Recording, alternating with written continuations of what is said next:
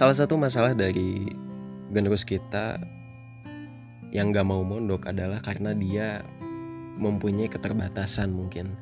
Banyak kekurangan dalam uh, fisik dia dan lain-lain.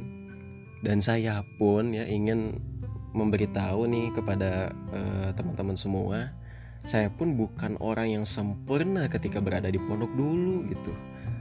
Ya saya bukan pengen telanjang ya atau kayak gimana mempermalukan diri sendiri tapi ini ada kenyataan dan alhamdulillah saya udah bisa berdamai gitu. Dulu di pondok aduh saya adalah orang yang rentan sekali lupa gitu ya. Terus ketika saya diamanati sebuah dapuan saya juga sering suka labil gitu untuk memutuskan sesuatu. Ngomong di depan masih gagap banget ya kan gak bisa ngomong dulu itu.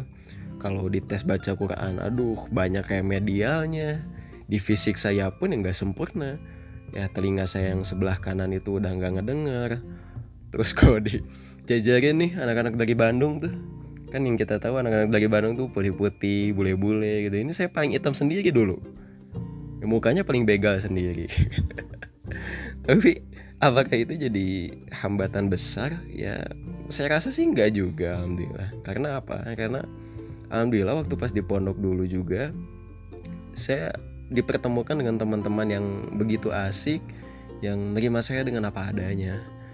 Terus juga yang alhamdulillahnya banget saya dipertemukan dengan guru-guru yang luar biasa sangat-sangat sabar untuk membimbing saya. Ya e, menjadi lebih baik lagi. Ya saya banyak belajar sesuatu di sana dari guru-guru saya pun. Ya terutama dengan uh, serba kekurangan ini guru, saya bisa membimbing saya dengan baik gitu. Dan apa ya semua orang pasti punya keterbatasan itu pasti banget sih. Dan ketika kita memaksakan diri gitu untuk uh, gimana caranya jadi orang yang paling sempurna yang nggak akan mungkin bisa.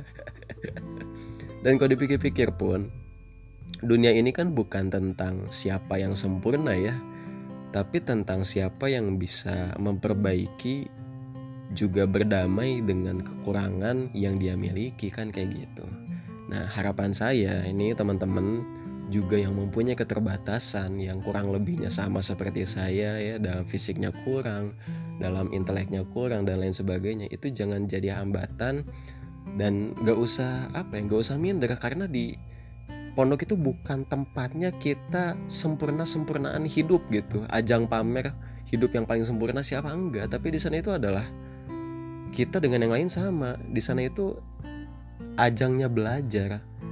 Kita belajar sesuatu yang tadinya serba kurang di sana menjadi serba lebih kan itu. Ya, yang tadinya kita mempunyai kekurangan apa di sana bisa uh, lebih dekat sama Allah, dipertemukan dengan teman-teman, belajar dari pengalaman mereka, belajar bersosial dengan mereka.